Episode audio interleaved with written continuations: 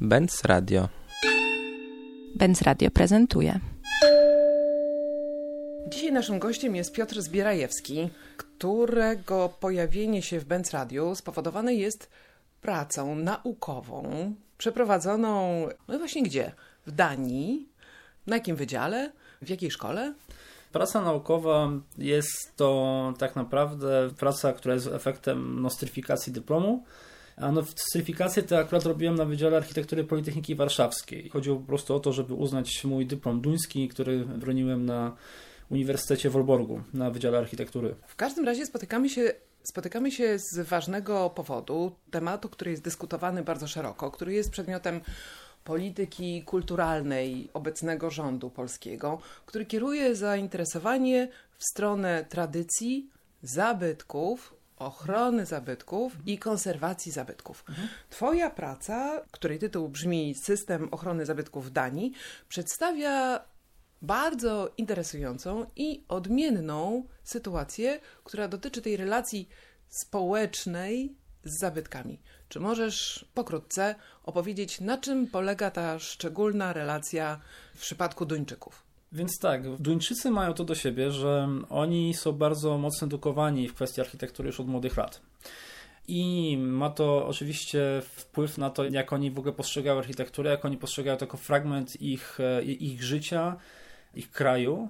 Ważne jest to, żeby podkreślić, że nie chodzi tylko o samą architekturę. Możemy to oczywiście mówić też o po prostu artystach, o sportowcach, o rzeźbiarzach.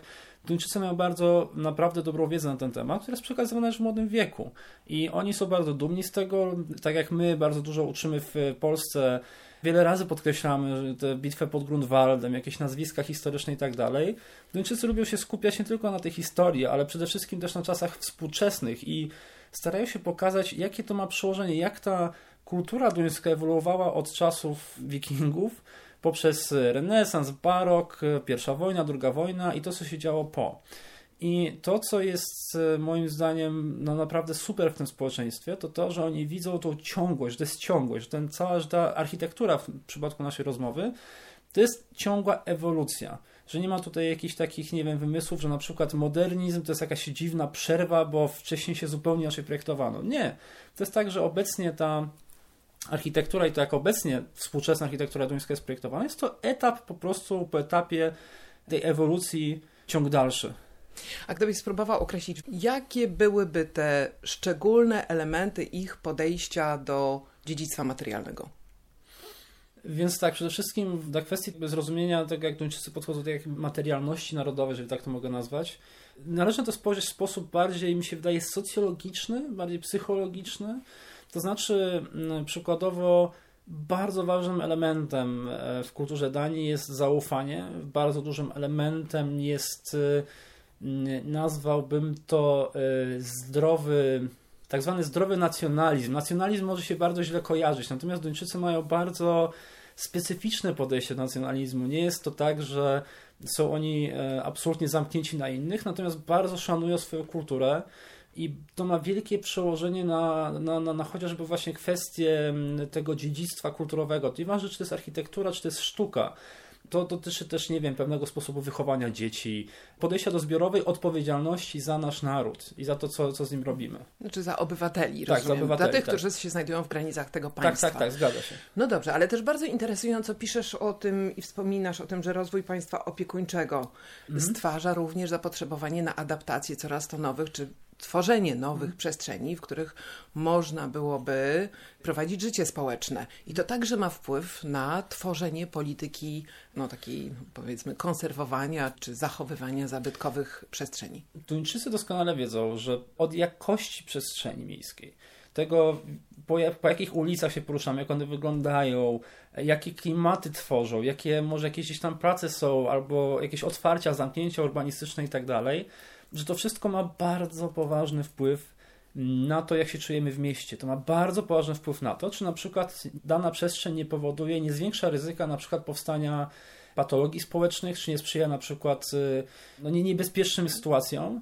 I oni mają bardzo wielką świadomość tego, jak bardzo jest to ważne i że faktycznie to nie jest kwestia, że jacyś tam architekci urbaniści sobie siedzą gdzieś tam w mieście, w ratuszu i oni sobie to projektują i nas to nie interesuje ponieważ dla Duńczyków jest to jest bardzo ważny temat. Przykładowo, jeżeli na przykład jest e, tworzony jakiś lokalny plan, e, czyli po polsku to się nazywa miejscowy plan zagospodarowania przestrzennego, to informacja z ratusza jest oczywiście wysłana i to jest nieprawdopodobne, że na takie spotkanie konsultacyjne z, z mieszkańcami przychodzi 90% mieszkańców z okolicy, oczywiście, której to dotyczy, plus okolicznych jakby terenów. I to ma wielkie znaczenie, dlatego że to oznacza, że ludzie są bardzo zainteresowani tym, co się dzieje. Mało tego, oni z wielką radością i chęcią chcą pomagać miastu w tworzeniu tej lepszej, lepszej przestrzeni. Pragnę tylko zaznaczyć, że to też nie jest tak hop, hop, hura, że te przestrzenie są potem idealne. Akurat mam, mogę po prostu rzucać przykładami, gdzie akurat powiedzmy były jakieś plany uchwalane i na wstępnie to miało wyglądać pięknie, a wygląda powiedzmy no gorzej. Chociaż i tak trzeba przyznać, że jak na warunki polskie to jest super, ale jak na warunki duńskie to muszę przyznać, że Duńczycy jednak potrafią też dać ciała, więc... Okej, okay, no ale najwyższych standardów i najbardziej przemyślanej przestrzeni jednak spodziewamy się po ojczyźnie Jana Gela, którego książka Życie między budynkami również jest taką biblią, powiedzmy, no, tego młodszego pokolenia architektów, którzy bardzo poważnie biorą do serca nie tylko swoje zagraniczne doświadczenia, tak jak mm. twoje podróże czy twoją pracę za granicą, ale także tę literaturę i wiedzę, która przenika nareszcie do Polski za pomocą tłumaczonych publikacji. Ja uważam, że warto tutaj dodać jedną ważną rzecz. Otóż a propos tych konsultacji. To znaczy, świetnym przykładem tego, jak to trochę jest złożony temat, jest Orhus w tym momencie. Tam w porcie północnym jest między innymi znajduje się taki budynek, nazywa się to po angielsku Iceberg, taka góra lodowa, takie budynki białe w kształcie trójkątów. E, I z tego tak ta, ta, ta dzielnica portowa tam słynie. No i ta dzielnica generalnie tam się rozbudowywała i rozbudowywała. Był tam od początku zrobiony plan miejscowy, żeby ten stary port handlowy zamienić właśnie na fajną dzielnicę mieszkaniową. Natomiast zaczęło się okazywać, że niestety miasto po już niemal dekadzie zaczęło zmieniać warunki, jakby zasady gry. To znaczy, zaczęły powstawać pewnego rodzaju inwestycje, które okazało się, że pewną swoją kubaturą, wysokością i tym podobnymi przeszło temu planowi, a ten plan był tworzony z, z, mieszkańcami. Mało tego, miasto zmieniło w tym momencie miejscowy plan w taki sposób, że tam od pewnej bardzo istotnej strony tego portu miasto wydało zgodę na budowę 120-metrowego wieżowca. Ja pomijam kwestię tego, że generalnie wieżowce to jest obca rzecz w, w Danii, e, natomiast kwestia jest taka, że mieszkańcy już mieli dosyć pewnych zmian, które już następowały w porcie, które były nieuzgadniane z nimi w ten sposób, bo były, miały być inne zasady. I teraz jak miasto dało prawie zielone światło deweloperowi, żeby postawić ten swój wieżowiec, to w tym momencie ratusz ma bardzo poważny problem, ponieważ po prostu się mieszkańcy wkurzyli i dali bardzo jasny, jasno i wyraźnie znać, że no, sprzeciwiają się temu. A jak Duńczycy się wkurzają? Co robią wtedy?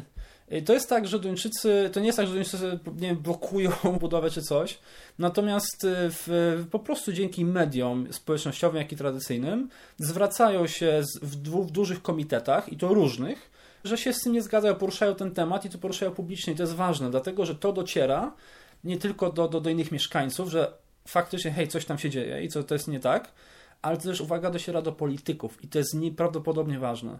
Oni wiedzą, że to nie jest kwestia obiecania kolejnych żłobków czy przedszkoli e, w mieście, tylko jeżeli mieszkańcy się wkurzą, że ktoś im rujnuje mm, rujnuje przestrzeń reprezentacyjną, dosłownie nad wodą, nad morzem, w, w takiej bardziej reprezentacyjnej dzielnicy.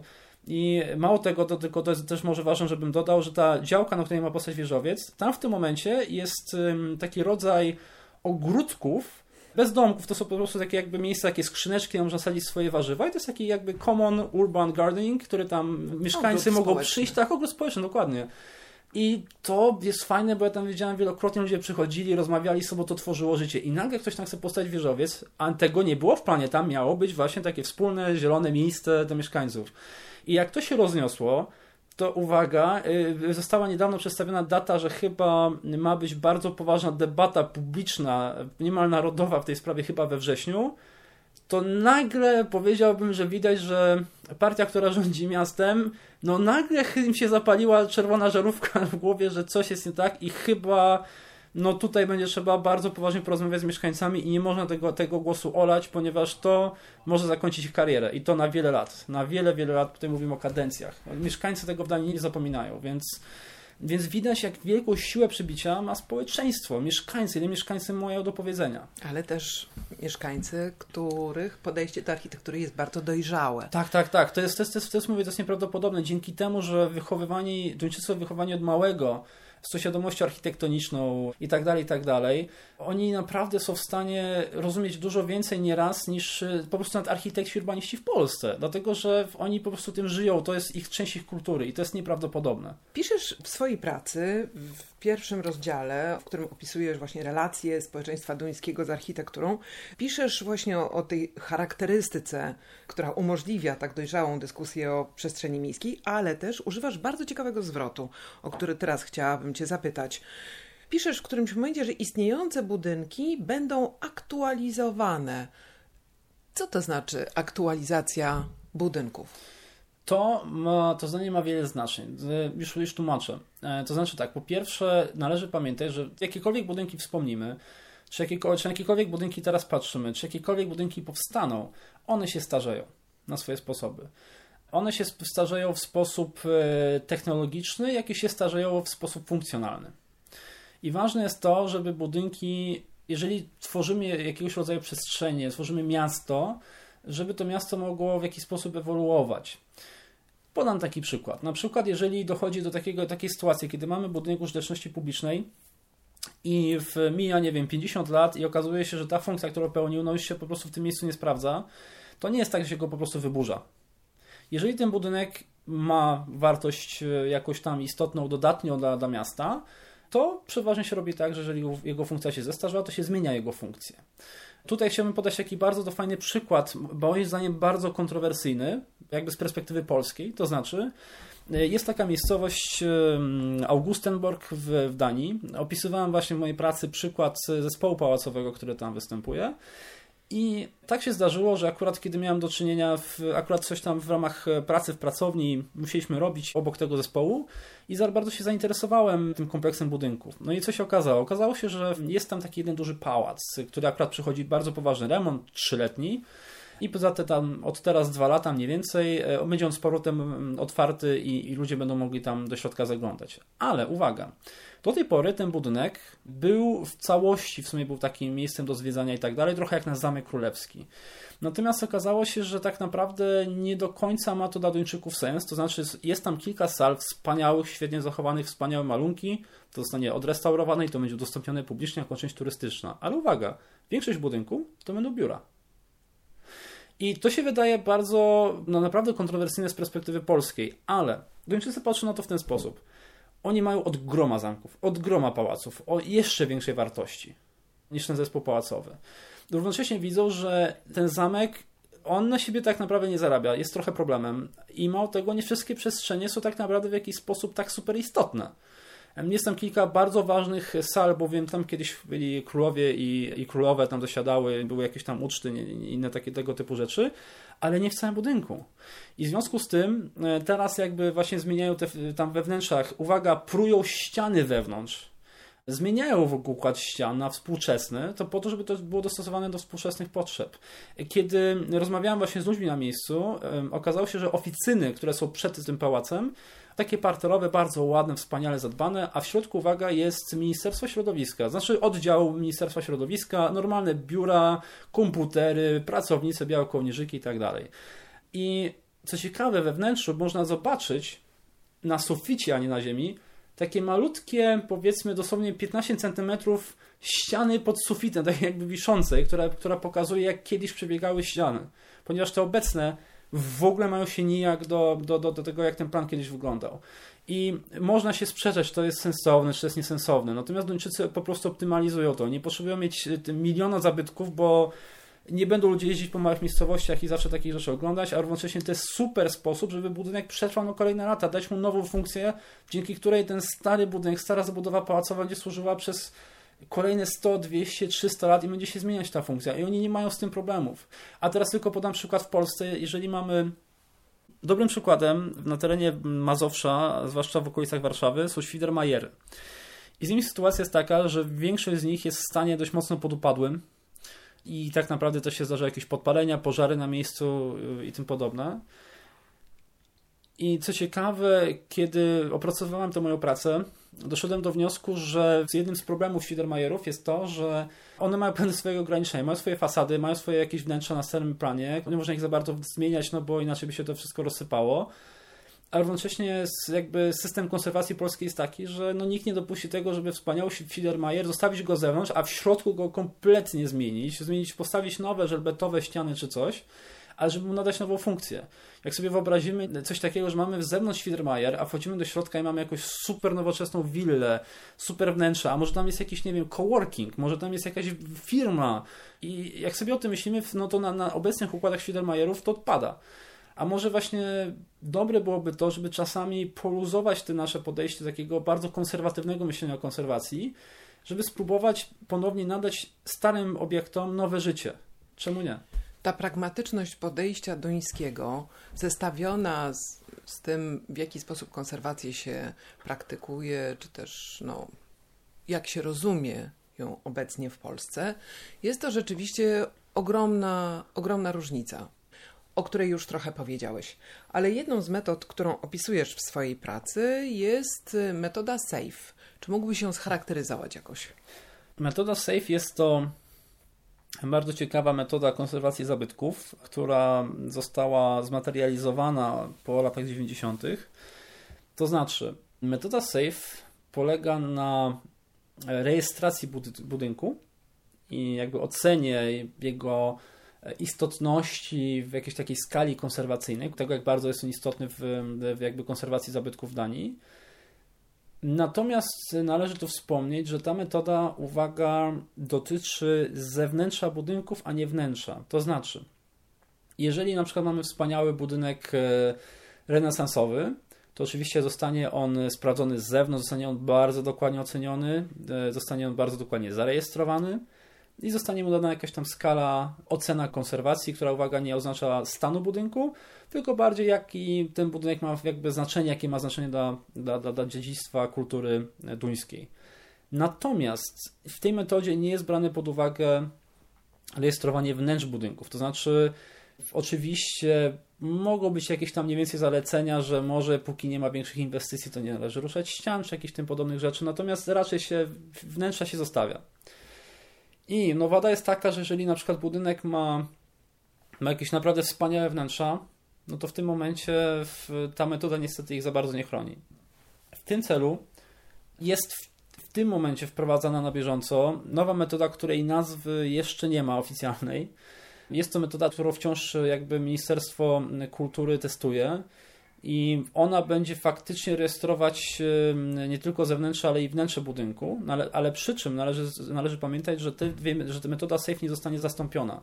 To znaczy ta nowa metoda będzie używana w po prostu specjalnych przypadkach. Kiedy metoda SAFE stwierdzi, że ten budynek jest, pełni taką istotną rolę dla dziedzictwa kulturowego Danii, że jak najbardziej trzeba wziąć pod uwagę też i wnętrza i tym podobne, a przynajmniej, przynajmniej je zbadać, to w tym momencie wejdzie ta nowa metoda, która jeszcze sprawdzi też ponownie jeszcze raz zewnętrzne, żeby się upewnić w stosunku do wnętrza i potem zostanie wydana tam ostatecznie jakaś ocena. Więc powiedzmy, że tak to w skrócie wygląda. I ta metoda SAFE jakby składa się z trzech podstawowych faz. To znaczy faza pierwsza to jest, to jest jakby przygotowanie materiałów pod rejestrację budynku i to oznacza po pierwsze powiadomienie lokalnej społeczności o tym, że hej, chcemy ten budynek w waszej okolicy zbadać. I zapraszamy Was do tego, żebyście też brali czynny udział przy tym. Oczywiście są przygotowane jakieś dokumenty, rysunki podstawowe i tak dalej, żeby można było na czymś pracować. Następnym etapem jest dosłownie faza rejestracji, kiedy się faktycznie ten budynek rejestruje. Tutaj nie chcę mówić za bardzo o szczegółach, bo to trochę nudny temat, natomiast no po prostu to jest jakby ten właściwy proces oceniania samego budynku. I faza trzecia, która moim zdaniem jest bardzo, ale to bardzo istotnym elementem, to znaczy faza trzecia to jest prezentacja prac tej grupy, która pracowała nad, nad, e, nad rejestrowaniem e, tego budynku, gdzie są przedstawione nie, rezultaty prac, czyli na przykład jakaś prezentacja, która pokazuje to, ten budynek, jakie, jego, jakie jest, jaka jest jego właśnie ocena konserwacyjna, jaki on ma w sumie wpływ na, na, dla społeczeństwa, co myśleli o tym lokalni mieszkańcy, jakie były ich przemyślenia na ten temat, co komisja, która się, uwaga, składa także z mieszkańców, uważa w, na, na temat przyszłości tego budynku, co można byłoby z nim zrobić, co można byłoby z nim nie robić. i tak dalej, i tak dalej. Jest bardzo ciekawa analiza po prostu tego wszystkiego, która jest moim zdaniem najciekawszym elementem, bo ona naprawdę wciąga wszystkich mieszkańców też dookoła, bo oni przynajmniej wiedzą od razu, że następnym razem będą mieć ten budynek, to wiedzą, że on jest, nie wiem, że jak on jest istotny dla dziedzictwa i tak dalej i że w sumie kto wie, może tam będą w przyszłości zamiast, może załóżmy, że to był jakiś stary warsztat rzemieślniczy, to może w przyszłości, nie wiem, będzie jakimś biurem, miejscem coworkingowym, kuchnią, restauracją, co się będzie dało z nim zrobić. Od razu mieszkańcy dzięki temu wiedzą, że ten budynek jest wpisany do rejestru i do tego ma szansę dostać nowe też życie, być może, jedno z wielu żyć, które przy okazji się przyczynią do tego, żeby lokalna społeczność na tym bardzo zaowocowała ponownie. Może jeżeli, jeżeli to będzie jakaś restauracja fajna, w fajnym klimacie, jakimś loftowym wewnątrz, to będą tam ludzie mogli pójść, dobrze zjeść i tak dalej. Jak długo trwa taka procedura? Ze wszystkimi elementami koniecznymi do tego, żeby zaprezentować finalną hmm. prezentację? To zależy. Wydaje mi się, że najkrótsza procedura takiego wpisywania ze wszystkimi tymi fazami no zajęłaby pewnie 2, 3, 4 miesiące, jeżeli to jest jakiś tam powiedzmy mały budynek, który niespecjalnie jakby, to jest po prostu mały budynek, który no, jest, tak? Jeżeli mówimy o jakichś olbrzymich zespołach, na przykład zespół zabudowy, no to to już może spokojnie potrwać rok, dwa. I co ważne, podczas, podczas tego, gdy trwa ta rejestracja, nie są możliwe do przeprowadzenia żadne, nie wiem, budowy w tym regionie, nic takiego. To jest święte i tego ruszyć wtedy nie wolno. I Duńczycy o tym wiedzą, deweloperzy o tym wiedzą, prawa się tam nie rusza.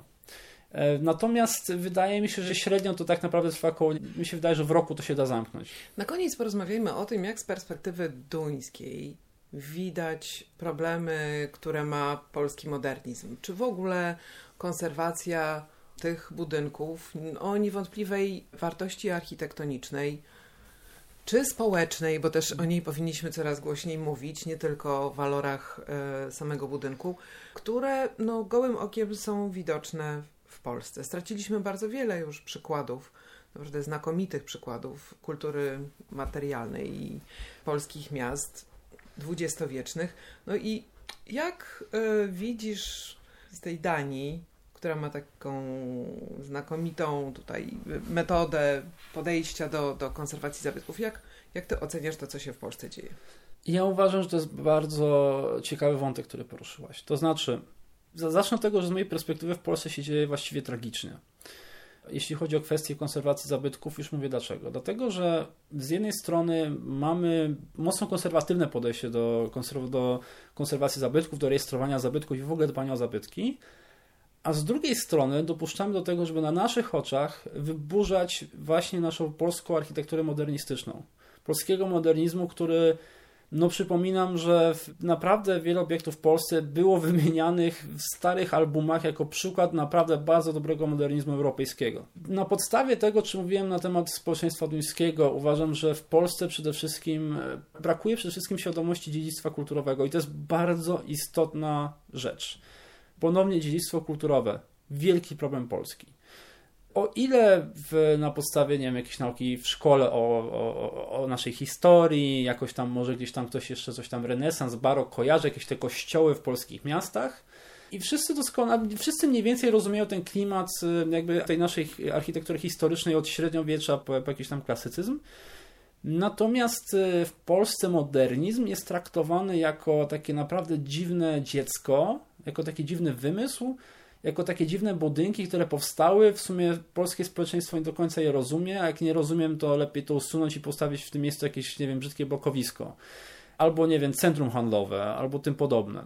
I to jest przerażające, bo na przykład ponownie, dla, przykładu Duńczycy, wszyscy Duńczycy, naprawdę wszyscy, każdy licealista doskonale wie, kim był Arne Jakobsen. Każdy wie, kim był Henning Larsen. Każdy wie, kim był Jorn Utzon no można wymieniać tych architektów duńskich. I oni doskonale wiedzą, że hotel stworzony dla SAS-u przez Arne Jakobsena, oni wiedzą, że no to jest ten wysoki budynek w Kopenhadze, no wiedzą, że on jest trochę agresywny, bo jest dosyć wysoki.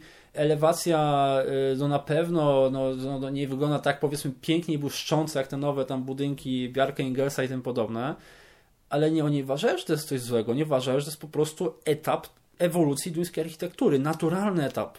Oni wiedzą, nie patrzą na to, że jakiś wysoki, brzydki budynek, ja tego nie rozumiem, więc mi się nie podoba, tylko oni doskonale wiedzą, że to był nurt modernizmu, z czym się to wiązało, co generalnie architekci modernizmu mieli na myśli, kiedy projektowali swoje budynki w, w tamtych czasach. Oni się tego uczą w szkołach. To im jest przekazywane przez rodziców. To jest cała kultura się na tym opiera. Tymczasem dla nas to jest bardzo poważny problem, no jak kwestia chociażby, nie wiem, no Super Samu w Warszawie, już nawet trzyma się Super Samu, Emilka, Super Sam, no można naprawdę wymieniać te budynki, które po prostu poznikały w ostatnich latach i mało tego znikają te najlepsze i to jest nie do zrozumienia. I w Polsce, szczerze powiedziawszy, poza aktywistami, poza architektami, to nikogo to za bardzo nie obchodzi. To jest smutne. To jest smutne, ponieważ sami, sobie, sami pozwalamy na to, żeby te obiekty były wyburzane. Nasi ministrowie kultury, nieważne jakiego rządu, przeważnie mają to, nie, nie rozumieją tego problemu i, i nie interweniują. Ja podam taki przykład. Jeżeli budynek jest jako, jakkolwiek zarejestrowany w Danii, jako obiekt warty zachowania lub jakkolwiek inaczej, i jakikolwiek deweloper by ruszył ten budynek, chociaż trochę, wszedłby i nagle zacząłby wyburzać, tak jak to miało miejsce na przykład wielokrotnie w Warszawie. Budynek jest wyburzany, nagle ktoś alarmuje konserwatora, nagle konserwator jednak no, grozi tym palcem, że oj, oj, oj, nie wolno, tymczasem deweloper, ok, zatrzymuje pracę na 10 dni, po czym je wznawia i na dwa, w dwa dni cały budynek już nie istnieje. Już jest po ptakach. I teraz proszę zobaczyć, no co nałoży konserwator? Może nałoży karę 50 tysięcy złotych czy coś dla dewelopera, który zarabia, nie wiem, no milion miesięcznie. Deweloper machnie ręką, powie masz i problem z głowy i tyle. Tymczasem w Danii to jest odpowiedzialność karna. Jeżeli deweloper by do czegoś takiego się dopuścił, to nie jest kwestia grzywny, to kwestia więzienia. Bez opcji wykupienia za przeproszeniem tej kary. I to jest bardzo, bardzo rygorystycznie jakby przestrzegane. I to nie jest tak, że to lokalny konserwator zabytków w danej gminie się tym zajmuje. Nie, jeżeli takie wyburzenie by nastąpiło, to bezpośrednio sprawa idzie od razu do ministra kultury. I to jest zupełnie inna rozmowa. I moim zdaniem to jest, to jest, to jest, to jest tylko jeden z przykładów jakby tych jakby różnic pomiędzy Polską a Danią. Moim zdaniem w Polsce sytuacja dotycząca konserwacji zabytków jest no niemal patologiczna. I uważam, że w ogóle jest wizja tego, że takich, takich jakby zmian, tylko, w, w, tylko jakby brakuje po prostu jakby wykonania tej wizji, no bo naprawdę mamy wiele podmiotów, które jakby, jakby walczą z tym tematem, no chociażby też i, i Fundacja Benzmiana. Jest wiele architektów czy aktywistów miejskich, mówię na razie, na razie o samej Warszawie, mhm. którzy, którzy starają się z tym walczyć, ale no jak widać, mimo nagłośnienia w mediach, temat się co chwilę gdzieś tam pojawia i dalej się nic z tym nie dzieje i to jest po prostu smutne. Ostatnia część Twojej pracy to rozdział Iść z duchem czasu. Gdybyś mógł na koniec powiedzieć, co to znaczy? Bo patrzenie do przodu nie jest najmocniejszą stroną Polaków. Iść z duchem czasu to jest tytuł ostatniego przykładu, który podaję w, na, w mojej pracy, jeśli chodzi o konserwację zabytków i specjalnie i specjalnie taki tytuł nadałem, ponieważ dotyczy to przedstawienia przykładu, gdzie w Kopenhadze kościół został zamieniony na mieszkania studenckie. Zresztą wnętrza robią niesamowite wrażenie i warto spojrzeć do tej Twojej pracy, udostępnionej zresztą w internecie, po to, żeby poznać wszystkie te przykłady. Tytuł też ten nawiązuje do właśnie jakby takiego podejścia duńskiego do tematu, to znaczy, tak jak wspominałem wcześniej, Duńczycy naprawdę wierzą w to, że budynki mogą zmieniać e, swoje funkcje, że mogą służyć kolejnym generacjom i że to nieważne, czy to jest właśnie kościół, który jest w sumie takim tematem teoretycznie takim świętym, tego się nie rusza. Duńczycy z tym problemu nie mają. Mało tego, e, tak naprawdę jest w tym momencie chyba trwają cztery przebudowy w Danii kolejnych kościołów w różnych miejscach Danii na też różnego typu, typu funkcje, żeby po prostu nadać nowy, nowy charakter tym budynkom. Co ciekawe, architekci, którzy podejmują się takich wyzwań, starają się bardzo delikatnie do tego podchodzić, tak żeby jakby nie, nie sprofanować jakby historii tego budynku. Na podstawie przykładu tego akademika, który umieściłem w, w pracy, widać, że architekci tam bardzo, też mówię, ostrożnie do tego podchodzili, podkreślali wręcz pewne walory tego starego kościoła. Natomiast ponownie Duńczycy lubią patrzeć do przodu w pozytywnej perspektywie. I moim zdaniem najlepszym przykładem tutaj jest to, że na chwilę dotknę polityki, za co serdecznie przepraszam, ale obiecuję, że bardzo ogólnie i i szybko. To znaczy, w Danii jest przyjęta strategia rozwoju kraju na minimum 50 lat do przodu. I to nie jest tak, że jeżeli e, po czterech latach zmieni się rząd, to w tym momencie zamykamy temat i tworzymy naszą perspektywę na kolejną kadencję i tyle. Tak nie ma. Jeżeli się zmieni obóz władzy i to będzie obóz przeciwny do tego, który rządził, to oczywiście, że one się mogą różnić, typu, nie wiem, temat na przykład, e, przykładowo w Danii to był, nie wiem, temat migracji, temat jakiś tam może w kar wykroczeń na drogach, tego typu tematy, ale są jakieś tam drobne, za przeproszeniem, pierdoły, które są, które są jakby powiedzmy, no nie aż tak istotne z perspektywy, no mówię, tej perspektywy 50-letniej, która generalnie dalej tam jest. Przykład, jeżeli jeden rząd wymyślił z innymi partiami razem, że hej, do 2030 miejmy 50-60% energii odnawialnej w użyciu, to zmienia się rząd i kolejny rząd nie stwierdza, nie, nie, nie, to my tego nie chcemy i stawiamy na coś innego. Nie, to jest dalej ciągnięte. Ponownie, oni mogą mieć inne podejście do różnych takich tam drobnych tematów, ale ten główny wątek jest dalej ciągnięty. To samo dotyczy konserwacji zabytków. To nie jest tak, że nagle któryś minister stwierdzi, że nie, nie zmieniajmy nigdy budynków na, na nie wiem, na, nie zmieniamy im funkcji na nowe, ponieważ to niszczy historię czy coś. Nie, dlatego, że to jest ich całościowe narodowe spojrzenie, że to jest oczywiste, że te budynki muszą dalej przetrwać, tak? I mówimy co prawda teraz tylko o budynkach, a proszę sobie wyobrazić, że tak społeczeństwo działa w każdym temacie życia. To może być edukacja, to może być e, kwestia chociażby podatków. To, że niektóre partie mogą się na przykład, to jest ciekawy temat, że Dania ma najwyższe podatki na świecie i że rządzący mogą się sprzeczać, czy podatki powinny być 2-3% w te czy w te. Ale nikt z nich nie powie, że wycofujemy się i obniżamy podatki, nie wiem, do 10%. Tego, nie ma mowy na ten temat.